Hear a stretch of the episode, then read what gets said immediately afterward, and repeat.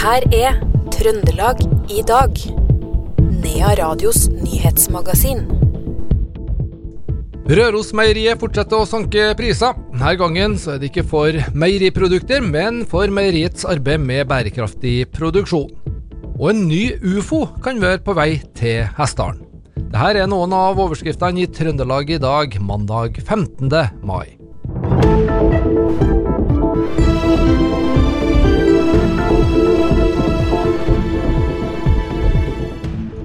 I dag har samtlige tillitsvalgte ved St. Olavs sendt et brev til direktør Stig Slørdal i Helse Midt-Norge, der de bl.a. krever at det utarbeides en plan for en alternativ dataløsning som kan iverksettes dersom man erkjenner at Helseplattformen og Epic ikke kan få på plass et tilfredsstillende system.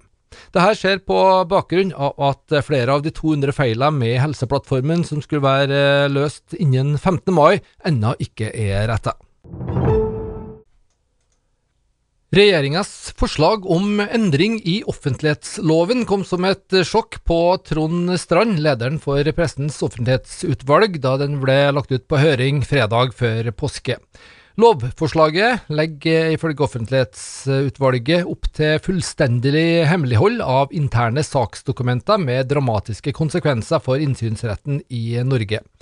Reidun Kjelling Nybø er generalsekretær i Redaktørforeninga. Det som er dramatisk, det er det at man legger opp her eh, til en mulighet for hemmelighold av interne dokumenter som tar fra offentligheten muligheten til å vite om at disse dokumentene finnes. Um, og um, det er jo sånn at det, det, er i utgangspunktet Vi har offentlighetslova. det utgangspunktet er det jo sånn at alle har rett til å se dokumenter i offentlig forvaltning. Det er hovedregelen. Så er det et unntak om at man kan ha interne dokumenter. Men til, til nå så har det vært et krav om at disse skal uansett eh, føres inn som i, journal, i oversikten i journalen, postjournalen. Eh, Nå kommer det et forslag om at de ikke trenger å føres inn. At de trenger ikke å journalføres. Og hvis de ikke journalføres, så vil man ikke heller vite at de finnes. Fordi journalister og andre kan ikke etterspørre et dokument når man ikke vet at det finnes. Det betyr at eh, man, det vil ta mye lengre tid før man vet om forskjellige saker som behandles eh, av forvaltninga. Og eh, man vil kunne få offentlig oppmerksomhet rundt saker mye seinere enn det man har i dag. Ja, Tror du at dette forslaget kommer fordi at uh, politikere ikke ønsker å bli kikka i korta av presse, bl.a.? Ja, nei, Det jo, spekuleres jo i hvor, hva som er årsaken til det kommer. Eh, fordi det, kan, det, virker ikke som at dette er et forslag som er bredt forankra i regjeringa. Eh, men man kan jo se for seg at det er noen som syns at det er behagelig å ha større arbeidsro rundt eh, interne prosesser. Det sa generalsekretær i Redaktørforeninga, Reidun Kjelling Nybø, til reporter Knut Inge Skjem. Det kan bli snø flere steder i Trøndelag på nasjonaldagen. Det meldes om sludd- og snøbyger over 200-400 meter flere plasser. Det kommer fram i et gult farevarsel for snø som Meteorologisk institutt har sendt ut.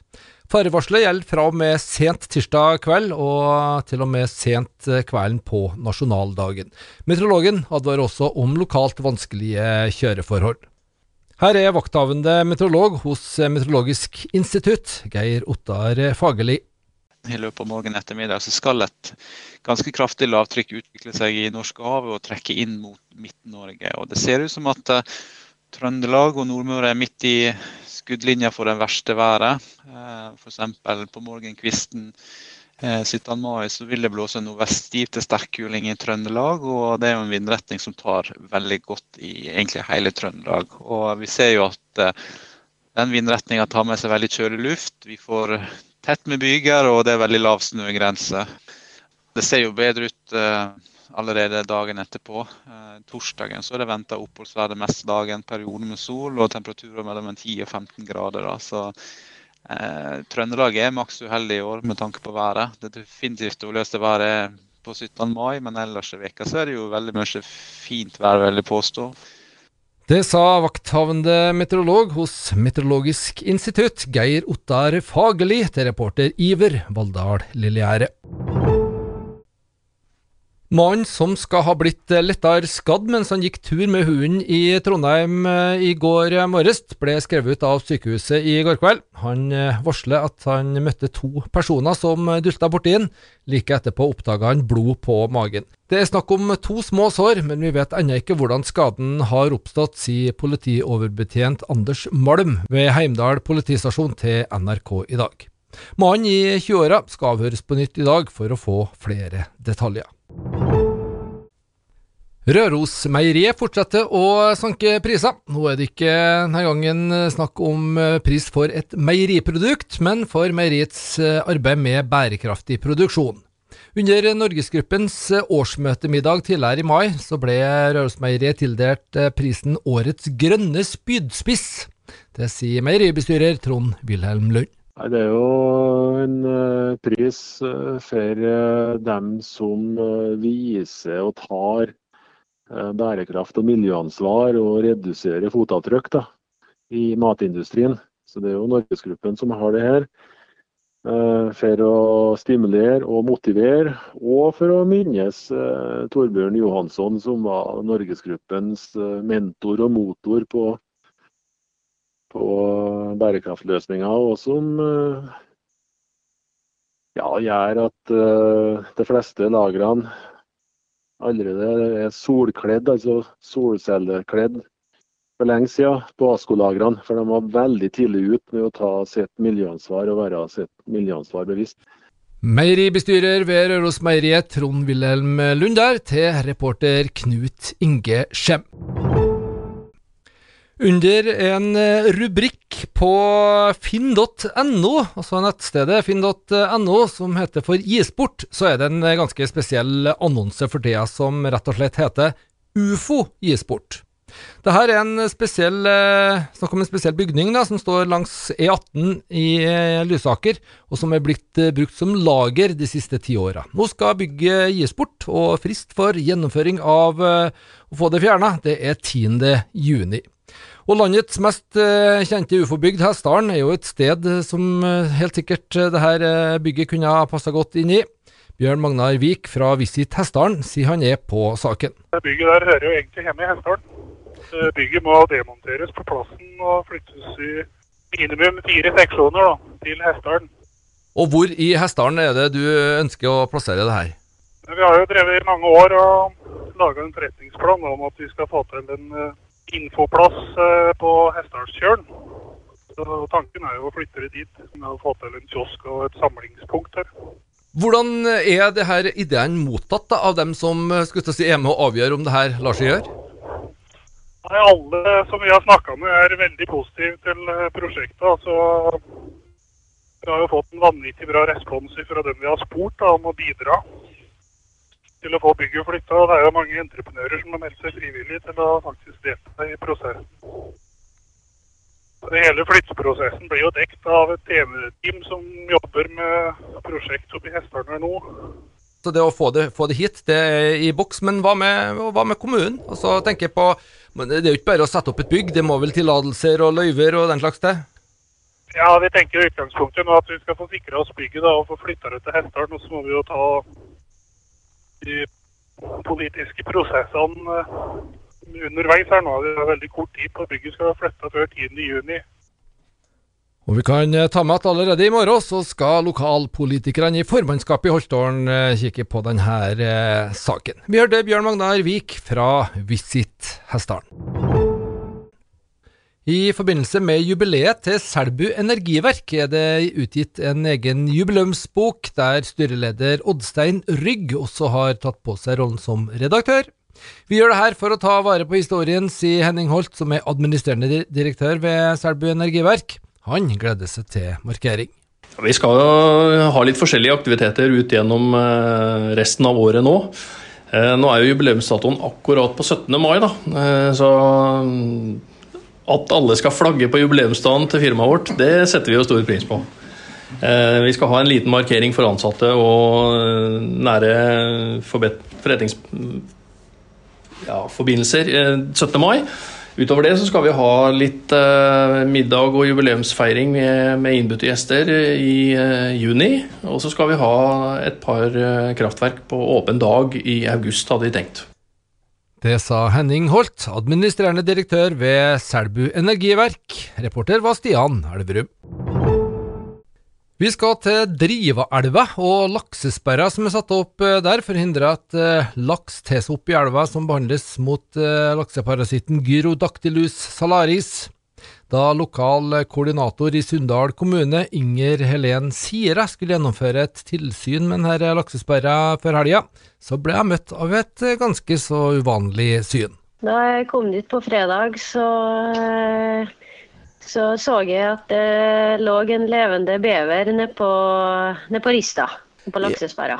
Det har hendt seg at vi har plukka av noen døde dyr eh, fra Rista tidligere eh, som har drukna eller kommet nedover. Mm. Hjort og ei geit og noen rådyr og sånt, men eh, vi har aldri hatt noe levende skapning på Rista før. Det har vi ikke, nei.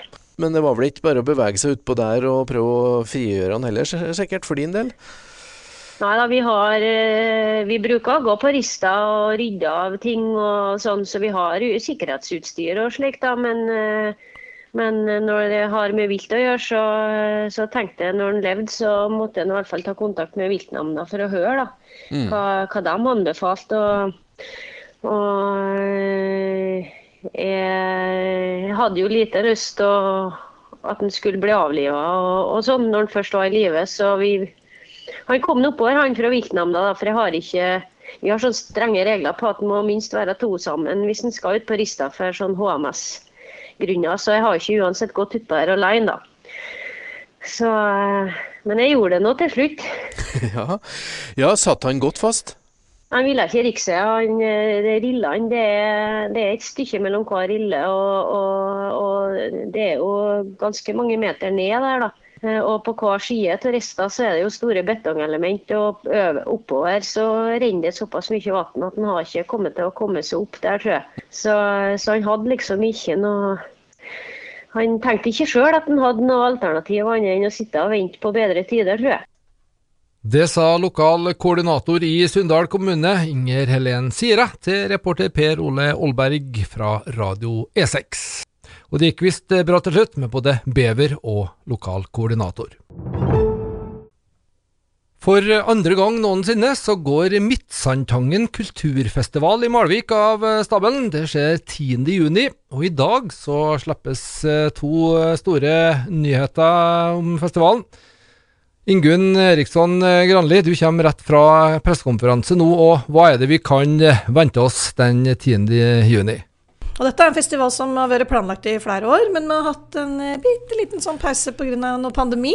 Så vi kom oss ikke i gang før i fjor. Da var det førsteutgaven. Og da var jobben min som prosjektleder å tilrettelegge for at det skulle bli noe av.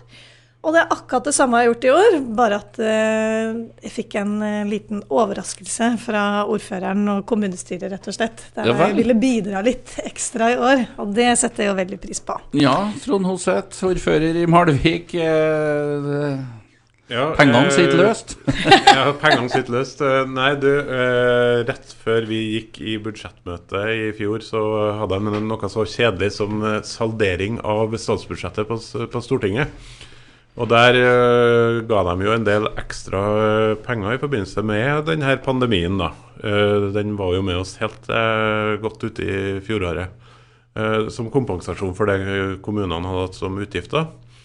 I Malvik så ble vi sittende igjen med litt, så vi bestemte oss for at noe av disse pengene her skal vi gi tilbake til dem som kanskje ble mest ramma av restriksjonene. Så det, eh, da bestemte vi at eh, barn og unge skulle få eh, et type arrangement, og at det skulle være noe for eldre. Uh, og så har vi i tillegg de ansatte, men det kommer vi ikke inn på her nå i dag. Da. Men, uh, men uh, så ble det da satt av penger til, og, og, og man landa på at det kanskje skulle være en, en konsert, da. Eller to eller tre. Eh, og, og så landa man på at den eh, for barn og unge og, var, var grei å, å koordinere med denne Midtsandtangen kulturfestival. da. Det sa til slutt ordfører i Malvik, Trond Hose, tør også Ingunn Eriksson Granli i Midtsandtangen kulturfestival. Reporter, det var Knut Inge Skjem. Og det var det vi hadde tid og plass til i Trøndelag i dag, mandag 15. mai. Du finner dette programmet og alle andre program som podkast. I studio, Per Magne Moan.